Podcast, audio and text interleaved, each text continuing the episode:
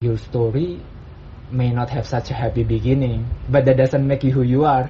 Jadi cerita cerita masa lalu tuh nggak mungkin cerita masa lalu tuh cerita menyedihkan gitu, bukan cerita yang membahagiakan. Tapi itu cerita itu bukan yang membuat kamu sekarang ini. gue tuh inget banget tuh satu titik kayak apa ini ya? Pengacara tuh apa bahasa Inggrisnya? Kayak gitu kan. Ibu gue jawab lawyer wih buset gue kayak ditampar sama ibu gue lu tahu SD doang. Kayak eh nih kasih si om gitu ya. Bokap gue yang beliin kasih si om. Jadi kayak gue diajari dari kecil adalah terus menjalin relasi ke banyak orang gitu.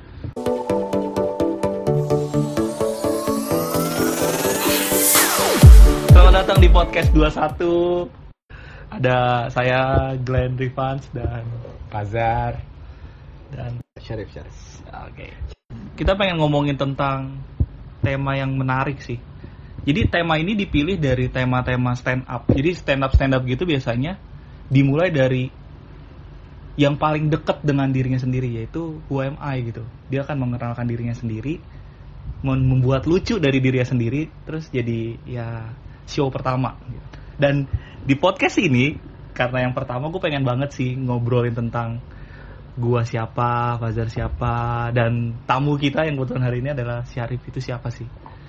Dan gue percaya bahwa kita adalah produk masa lalu kita. Nah, dari statement ini ada yang pengen kasih tanggapan nggak nih? Kalau dari Fazar sendiri? Eh, Fazar nggak sendiri dia, udah punya pacar. Waduh, Wadaw. boleh ada sendiri. Kalau dari Fajar nggak sendiri, Wah, Oh, mungkin salah satu panutan yang gue bawa ya. Waktu itu gue nonton film Kung Fu Panda, Kung Fu Panda 2. Kalau kalian ingat tuh Kung Fu Panda 2 film tahun 2011, cuman gue baru nonton 2012 awal.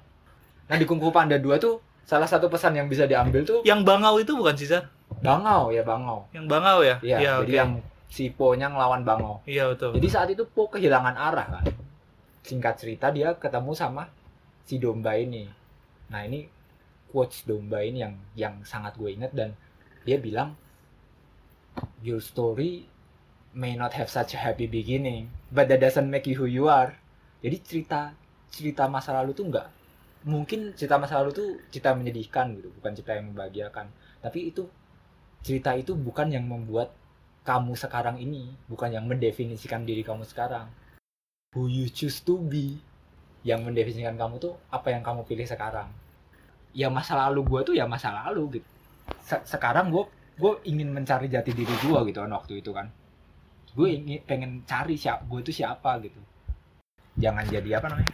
Jangan jadi Fazer di masa lalu. Jadi lu nggak gitu sepakat dengan kita adalah produk masa lalu kita nih? Sebenarnya Kalimat sebenarnya balik lagi kan. Hmm, Eh gue punya pikiran itu karena gue nonton Kung Fu Panda kan. Dan itu adalah itu masa lalu yang kan. terjadi di masa lalu. ya maksudnya produk dari masa lalu oke gitu. Tapi itu tidak membuat kita siapa gitu. Tapi pilihan-pilihan yang kita lakukan Pilihan- hari ini lah. kita lakukan hari ini. Dari dan dan pilihan itu ya tidak bisa dipungkiri. Itu di sebab dia di- berpengaruh dipengaruhi oleh masa lalu Lalu dari kita. pengalaman dari apa yang kita tahu gitu. Apa yang kita tonton apa yang kita idolakan gitu. Ya waktu itu gue suka Kung Fu Panda 2 gitu. Kebetulan masuk banget ceritanya buat gue tapi kalau kalau kata Steve Jobs itu connecting the dots. Apa tuh connecting the dot? artinya eh, mungkin kayak gini ya.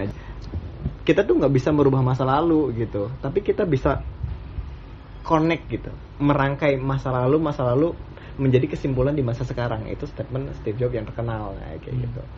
Nah terus kayak kalau misalkan kata si siapa ya aduh si Malcolm Gladwell aduh Blink. bukan Ah, outlier, bukan. outlier harusnya. outlier. Teori Jadi- besar outlier ya. Iya, kenapa si Bill Gates itu bisa terkenal banget? Kenapa si Bill Joy itu nemuin internet gitu? Kenapa siapa namanya itu eh artis pop terkenal raja pop Beatles itu kayak kayak terkenal booming ya kayak gitu apa Iya. jadi nomor satu di dunia. Nah itu mereka punya latar belakang dan latar belakang itu yang dia selalu latihan, dia menjadi nomor satu di kelas, dia dapat kesempatan komputer yang bagus, itu menjadi latar belakang yang kuat. Dia menjadi sosok yang sekarang, nah kayak gitu. Ya artinya statement yang tadi kita adalah produk masa lalu kita ya itu benar walaupun emang di tengah nanti kita kayak dibilangin sama orang kayak si siapa namanya tadi si pan si kam domba yang ada di filmnya Kung Fu Panda 2 Kung Fu Panda 2 ya itu juga bagian dari masa lalu dia gitu ya. bener nggak ya dia diomongin oh jadi dia baru sadar di situ dia merubah masa lalu dia tapi itu adalah masa lalu dia gitu ngobrol sama panda sama si domba itu Iya. Tapi kalau lu sendiri, kalau lebih personal, lu itu lahir besar di kota apa sih maksudnya? Bagaimana ma- lu ngelalui masa kecil lu? Kita temenan udah berapa tahun? Lima? Lima tahun gitu. Tapi gua nggak gitu tahu sih bagaimana lu melalui masa kecil lu di SD mungkin atau di Apa ya? keluarga lahir di gimana gitu. Mungkin ada beberapa hal yang bisa menarik gitu sehingga Hmm. nggak cuma gua atau Fajar yang makin kenal tapi dapat insight sesuatu dari cerita ini kalau cerita dari kakak pertama itu gue kan anak pertama ya jadi artinya kayak kakak paling besar gitu kan ya artinya lu berapa bersaudara Oh, banyak banget tuh. oh, pokoknya banyak lah. Banyak, Ya, banyak. Kayak gitu. Terus kayak itu kayak 16 ya 16 Hmm, banyak banget itu. boleh dong bercanda boleh deh boleh boleh boleh lucu boleh itu kayak apa ngebuat gue lebih mandiri, lebih kayak ngasuh adek gue gitu kayak mungkin impactnya sekarang kayak gue lagi lebih kayak lebih perhatian mungkin sama orang dan gue juga bisa kapan tahu harus cuek, kapan tahu harus perhatian, kapan harus ngasih uh, sesuatu lebih ke orang atau kapan harus pelit. Nah, itu itu impactnya sampai ke sana sih. Tapi itu kayak cerita biasa ya, maksudnya kayak semua orang juga tahu anak pertama. Oh itu nggak biasa itu nggak ada Iya, yang biasa. itu connecting the dots juga nggak sih? Iya. iya kan? Cuma hal yang mungkin gue baru sadari kayak ini baru banget disadarin nih kan beberapa menit yang lalu kan. Barusan barusan, banget. dong barusan Untung banget. ini kita Untung rekam ini. rekam makanya gini nggak lupa. Kalau nggak ada podcast nggak akan sadar. Iya, ada. Gila, Kenapa, apa yang barusan apa tuh? sadari? Anjing emang. Anjing aja. Ini waktu dulu itu kayak gue ngerasa bersyukur banget sekarang sampai bisa sekolah sampai lulus universitas dan kayak bagus lah gitu ITB gitu. Kayak kayak sebenarnya nggak mau jumawa sih tapi kayak ya itu suatu prestasi dan kayak nggak bisa dipungkiri itu berkat ibu gue. Nah kenapa? Karena ibu gue tuh putus sekolah bukan karena nggak mampu atau nggak pinter tapi kayak kayak nggak aja gitu Ng- nggak boleh sekolah gitu ya udah apa kayak jadi di karena di rumah itu kayak ada apa industri rumahan gitu loh kayak buat sesuatu suruh bekerja Iya, jadi ya ngapain sih lo sekolah gitu kan? Sini bantuin aja. Nah, kayak gitu. Terus kayak dia ngerasa namanya kayak, "Duh, gue pengen banget sekolah nih." Kayak terus kayak ya kebetulan gua anak pertama dia, terus kayak semangat dia tuh nurun ke gua gitu. Dan waktu itu kayak gue juga sempet terancam nggak bisa SMP, nggak bisa SMA, tapi kayak karena biaya? Iya karena biaya. Dan karena pintaran kan? kan semangat aja kayak terus ada jalannya gitu loh. Ya. dan kayak semangat untuk belajar ya alhamdulillah sampai sekarang masih ada. Dan itu ya nggak bisa dibungkirin itu dari ibu gua. Gitu kalau ngomongin satu titik gitu. Eh, semangat ditularkan tuh kan continuous kan? Dia nggak? Setuju kan? Iya betul. Terus kalau- menerus gitu ya Hmm, kalau bahasa Indonesia nya kalau ngomongin titik kira-kira titik apa sih yang bikin yang bikin Seorang apa ya, seorang syarif sadar gitu.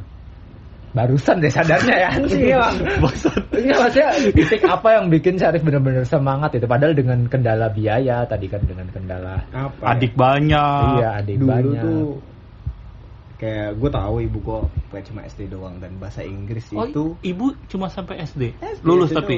lulus lulus. Oke. SD doang. Terus kayak teman-temannya tuh kayak SMP SMA terus kayak kayak selalu selalu ada apa sih?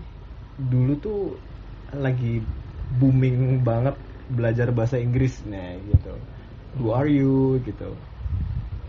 Terus kayak itu pas SD pas pas pas pas ibunya. pas SD. ibunya ah, ibu gua nggak sekolah gitu. Terus temen-temennya cerita gitu bahasa Inggris Oh. kayak, kayak gitu. Ya terus kayak how are you? I'm fine. Kayak, thank you. Nah sesuatu yang kayak gitu. Who are you? I'm Sharif gitu.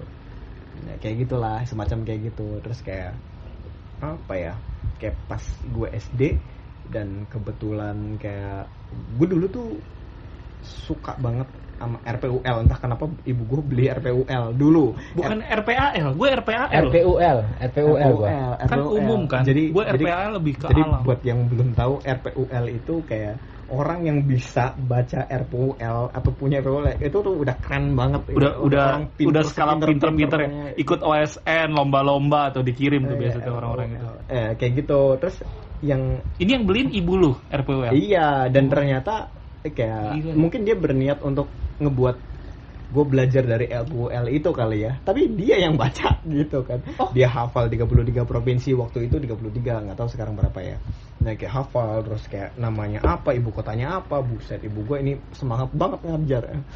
Nah, kayak gitu. Nah, terus kayak gue udah SMA, terus kayak SMP SMA udah lewat gitu kan. Terus kayak ada mulai kenal bahasa Inggris. Nah, kayak gitu. Terus kayak gue tuh inget banget tuh satu titik kayak apa ini ya? Pengacara tuh apa bahasa Inggrisnya? Kayak gitu kan. Terus ibu gue jawab lawyer wih buset gue kayak ditampar sama ibu gue lu tahu SD doang ke sekolahnya? Gitu kan. Mana lu tahu gitu kan. Itu jadi kayak, kayak anjing gue gue ngapain aja? Iya, kayak gitu. momennya dapet ya. iya. Ya terus kayak ketika gue lagi SMA terus kayak gue lagi lomba waktu itu kayak kalau misalkan gue lomba matematik matematik gue suka matematik kayak lom lomba kalau misalkan lomba gue selalu bilang ibu gue gitu kan keluarga minta doa gitu ya dulu dulu dulu kalau nggak salah SMA lu udah jauh dari keluarga ya benar ya jauh jauh jauh Hmm. nah ya sekolah gue di Bandung sekolah lu di Bandung Cirebon. keluarga di Cirebon nah Oke. terus kayak pas kelas 3 itu lagi lomba tiba-tiba kayak ada- OSN ini OSN lomba matematik lah gitu. Iya di unpad Kompetisi. gitu. Oh iya. Nah, terus kayak gue dapet telepon eh dapat beasiswa gitu dari suatu univ. Dan waktu itu gue pengen ITB gitu. Dan itu bukan ITB nah, gue dapet beasiswa. Nah dan ITB tuh kayak bahkan itu belum undangan kalau nggak salah. Iya. Dulu namanya SNMPTN semua. Hmm. SNMPTN undangan sama tulis. Nah bahkan undangan pun belum dan gue udah keterima di sana dengan beasiswa gitu kayak mungkin- beasiswa full itu ya? Enggak berapa persen gitu. Terus kayak terus gue telepon ibu gue kan pas lomba itu. Terus lu maunya apa? gitu kan ITB terus ITB gimana? Ini kan udah diterima gitu kan terus beasiswa. Ya lu maunya ke mana? gitu. ITB ya ya udah itu lupain aja. Kayak kayak wow gitu kan. Maksudnya kayak kayak salut aja gitu. Kayak dengan ketidakmampuan waktu itu ibu gue untuk membiayai sekolah gitu. Terus dan pilihan yang nyata tuh ada di depan mata tapi tetap pengen memilih yang terbaik gitu untuk anaknya kayak pendidikan ITB kan secara ITB ya udah gue lakuin. Kayak gitu. Nah kayak gitu terus kayak ya ada ada titik kan kalau misalkan ngomongin titik kayak gue ditampar banget sama kata-kata lawyer gitu yang dikasih tahu ibu Iya. gue gue nggak tahu lawyer pengacara apa. Gue harus buka kamus dulu tuh nggak ada Google Translate. Gue harus kamus gede John Ecole masalah utamanya gue yang lima ribu atau satu juta satu miliar kata itu loh. Iya, kamus kamusnya begitu judulnya. Iya. satu miliar kata gue John Ecole itu. Itu bagus banget. Kayak ada ceritanya tuh si John Ecole bagus banget. Jadi kayak John Ecole sama si orang Indonesia siapa ya nggak tahu. Dia tuh menghabiskan waktu musim panasnya untuk membuat kamus terus ada dapat kamus dua itu. Gila produktif banget tuh orang. Bagus bagus bagus ya, kayak gitu itu suatu kesan yang bagus sih kayak, oh, iya, seneng. dengar podcast ini dapat knowledge wah pinter. Siapa? John. John Ecole John Ecole John Ecole ya kayak gitu lah. Terus kayak ya udah berarti kayak karena gue ditampak apa maksudnya kayak gue ngerasa ibu gue nggak dapet kesempatan yang sama kayak gue terus gue nggak mau ngecewain dia gitu. Jadi ya udah gue belajar aja gue fokus gitu. Gue nggak mikirin apa pun. Ya udah gitu. Akhirnya sampai ITB terus ITB juga sempet goyang gitu. Terus ya ya akhirnya lulus lah ya gitu kan. Emang susah kan sebenarnya. Kayak tahu lulus dari itu hampir lima tahun sih tapi gak apa-apa tetap lulus. Itu cerita RPUL tuh nampar gua sih. Kenapa tuh kenapa? itu pe- apa ya istilahnya jawaban bagus banget gitu. Maksudnya orang-orang kalau ditanya semangat kan kayak jawaban pertama Syarif tadi kan termotivasi Steve Jobs connecting the dots Malcolm Gladwell. Itu kan itu kan apa namanya klise lah biasa lah anjing lah itu. Tapi jawaban gila ibunya beli RPUL terus tahu bahasa Inggrisnya lawyer tuh nampar banget sih bagus banget sih itu gue iya ibu gue tahu 33 Untung- provinsi untung tahu gua ibu nanya. Aduh, gue persiapin cerita menarik belum ada lagi nih. Gimana gue cerita apa ini? ini gara-gara umpan gue di awal tadi nih anjing kita jadi dapat bahan bagus kan Bahan bagus ya bagus. lu kan yang punya statement tadi kan dan lu udah dengerin tentang connecting the dots gitu kalau ditanya dots lu sendiri Kalau connecting the dots dan dots itu adalah momen yang benar-benar satu momen, nggak perlu momen sih kayak apa pun ya. titik apa pun Oh, mungkin quotes paling gue suka, gak tau sih. boleh boleh Kalau quotes yang paling gue suka ini apa? Everything will be okay in the end. If not okay, it's not the end gitu. Karena oh gue sering banget tuh denger itu dari Glenn jadi banyak banget kan eh, kegagalan-kegagalan yang gue laluin. Kayak ya too much lah. eh beda boleh request nggak sih Apa tuh requestnya? kayak ada sesuatu yang pengen gue tahu dari lo kan sebenarnya uh, Oh iya boleh boleh banget boleh, Boleh banget banget, boleh banget Sama kan gue kan MI. kayak udah kenalan udah lama nah kayak gitu kan dan suatu satu kelebihan buat gua sebagai teman Glenn gitu dia tuh apa ya suka banget eh, apa istilahnya menjalin hubungan menjaga teman nah memperluas pertemanan ya tujuannya emang pertemanan aja nah kayak gitu apa sih sebenarnya apa namanya kok, kok bisa kayak gitu sih boleh tahu nggak Gue bisa jawab, gue bisa jawab. Ah puji Tuhan, untuk gue bisa jawab pertanyaan seperti ini. alhamdulillah ya Yes, really. Akhirnya. Jadi, eh, almarhum bokap gua eh, dia itu suka banget berteman. Jadi dari kecil gue diajak ke teman-temannya gitu. Jadi dari kecil pun gue dibawa ke beberapa kumpulan-kumpulannya dan itu lebih dari satu gitu. Gue dikenalin dan oh bokap bokap eh, al- Almarhum. al- almarhum bokap ya dan eh, bokap begitu seterkenalnya gitu. Jadi ketika bokap gua nggak ada gitu misalnya di momen itu gua gua ada di perkumpulan bokap dan bokapnya lagi nggak ada eh, semua orang punya kesan baik tentang bokap gua. Bokapnya lucu, royal, setia kawan kayak gitu gitulah. Dan karena itu dilakukan berkali-kali, gua sering kayak gitu. Jadi kayak gua memikir adalah sesuatu yang baik itu ada seperti ini gitu. Kan banyak tuh momen-momen yang misalnya baik orang yang baik tuh adalah orang yang misalnya pinter ranking satu terus gitu atau apa gitu. Tapi eh, seorang pribadi yang baik itu kayak bokap gue gitu, yang punya baik teman, yang punya reputasi baik, yang yang masuk ke mana aja gitu, di mana kayak hampir di di setiap tempat yang dia datang tuh dia punya reputasi baik gitu. Itu dari kecil dari kecil Dari kecil, dari kecil gue dibawa gitu. Terus kayak dari kecil gue diajarin bilang terima kasih untuk orang-orang itu dalam pemberian. Gue diajarin apa memberi ke orang yang apa yang eh, bukan orang yang miskin ya, bukan bukan. Kayak memberi aja gitu, kayak eh nih kasih si om gitu. Tapi dari bokap gitu. Jadi kayak gue dari kecil udah diajarin memberi gitu, bukan ke orang yang lebih susah enggak enggak. Tapi ini bagaimana cara relasi apa gitu. kayak memberi Rokok, rokok, enggak gue beri rokok gitu. Memberi kebahagiaan ke sesama aja Iya, gitu ya udah iya. Jadi kayak eh nih kasih si om gitu ya, bokap gue yang beliin kasih si om. Jadi kayak gue diajari dari kecil adalah terus menjalin relasi ke banyak orang gitu. Bahkan ya itu mungkin dari gue SD lah, SD diajak gitu. bokap gue eh, supir. Nah, dia, dia tuh banyak banget relasinya lah gitu-gitu, lah. supir bandara gitu lah. Jadi mungkin itu yang membuat gue sampai hari ini. Sebenarnya ini sih Rif eh ya sebenarnya gue jadi penasaran sih sama lo. Jadi gua lagi. Iya pertanyaan pertanyaan lo tadi Apa itu ya, apa namanya nge, nge apa namanya? Ngelit something. Ngelit something ya. Ngelit. Men- mengingatkan gua Oh, anca ya, ri- jadi kan lu suka membagi semangat semangat juga kan? Kalau yang gue lihat sih eh, semangat Iya. Gue gue gue sekarang jadi tahu sumbernya gitu. Cuman Oh iya betul. Iya, jadi Dari tapi- ibunya iya betul. tapi sebenarnya kan eh, ibu lu nggak pernah ngajarin lu untuk membagi semangat itu kan? I- lu bisa oh ini harus gue tularkan ke orang lain juga gitu. Atau atau itu emang emang bawaan aja dari lo gitu. Secara secara tidak sadar gitu. Atau karena lu anak pertama. Hmm.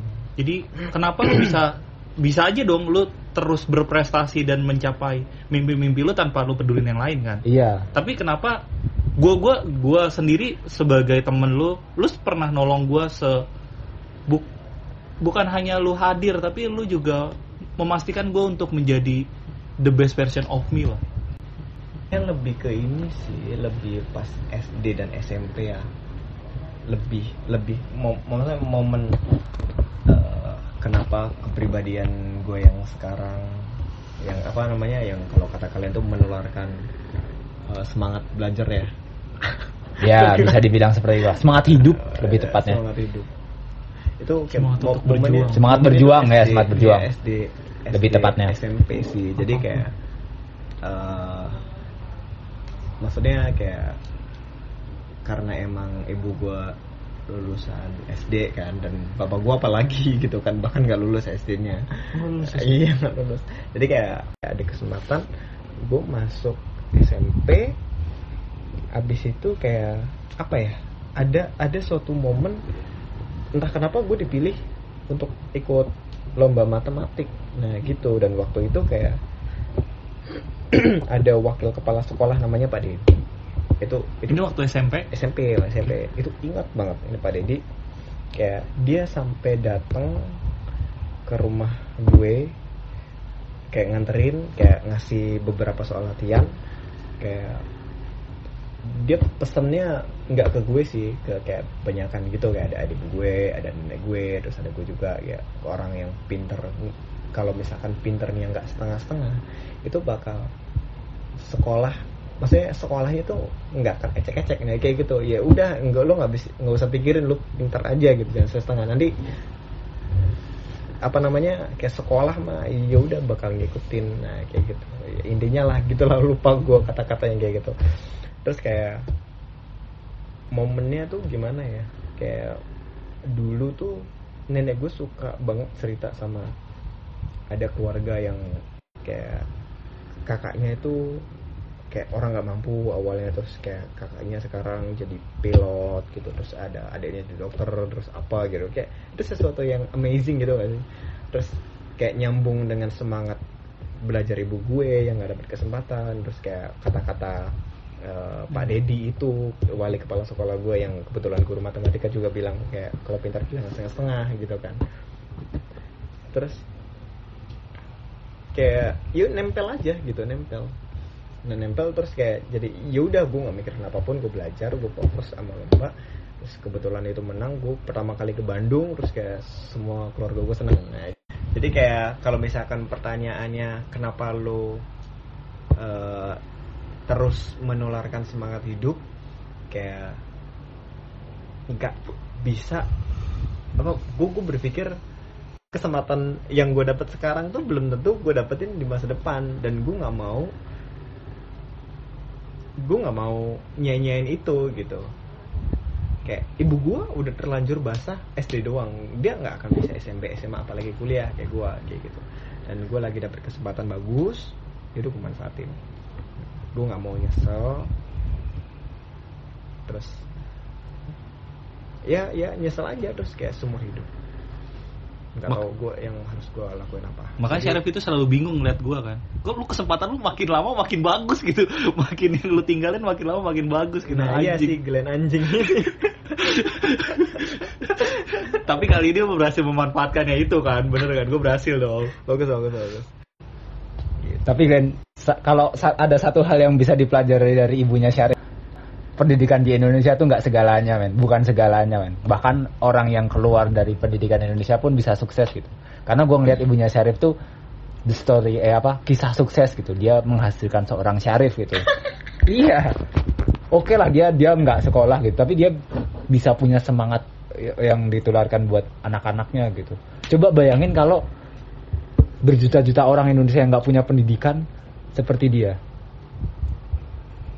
Iya. Berapa juta anak Indonesia yang bisa punya semangat kayak semangat Syarif? Rantai pendidikan di Indonesia tuh boleh boleh terputus di tengah jalan. Tapi rantai semangat berjuang tuh yang bisa bikin Indonesia melaju ke depan, coy. Hidup Pak Nadim.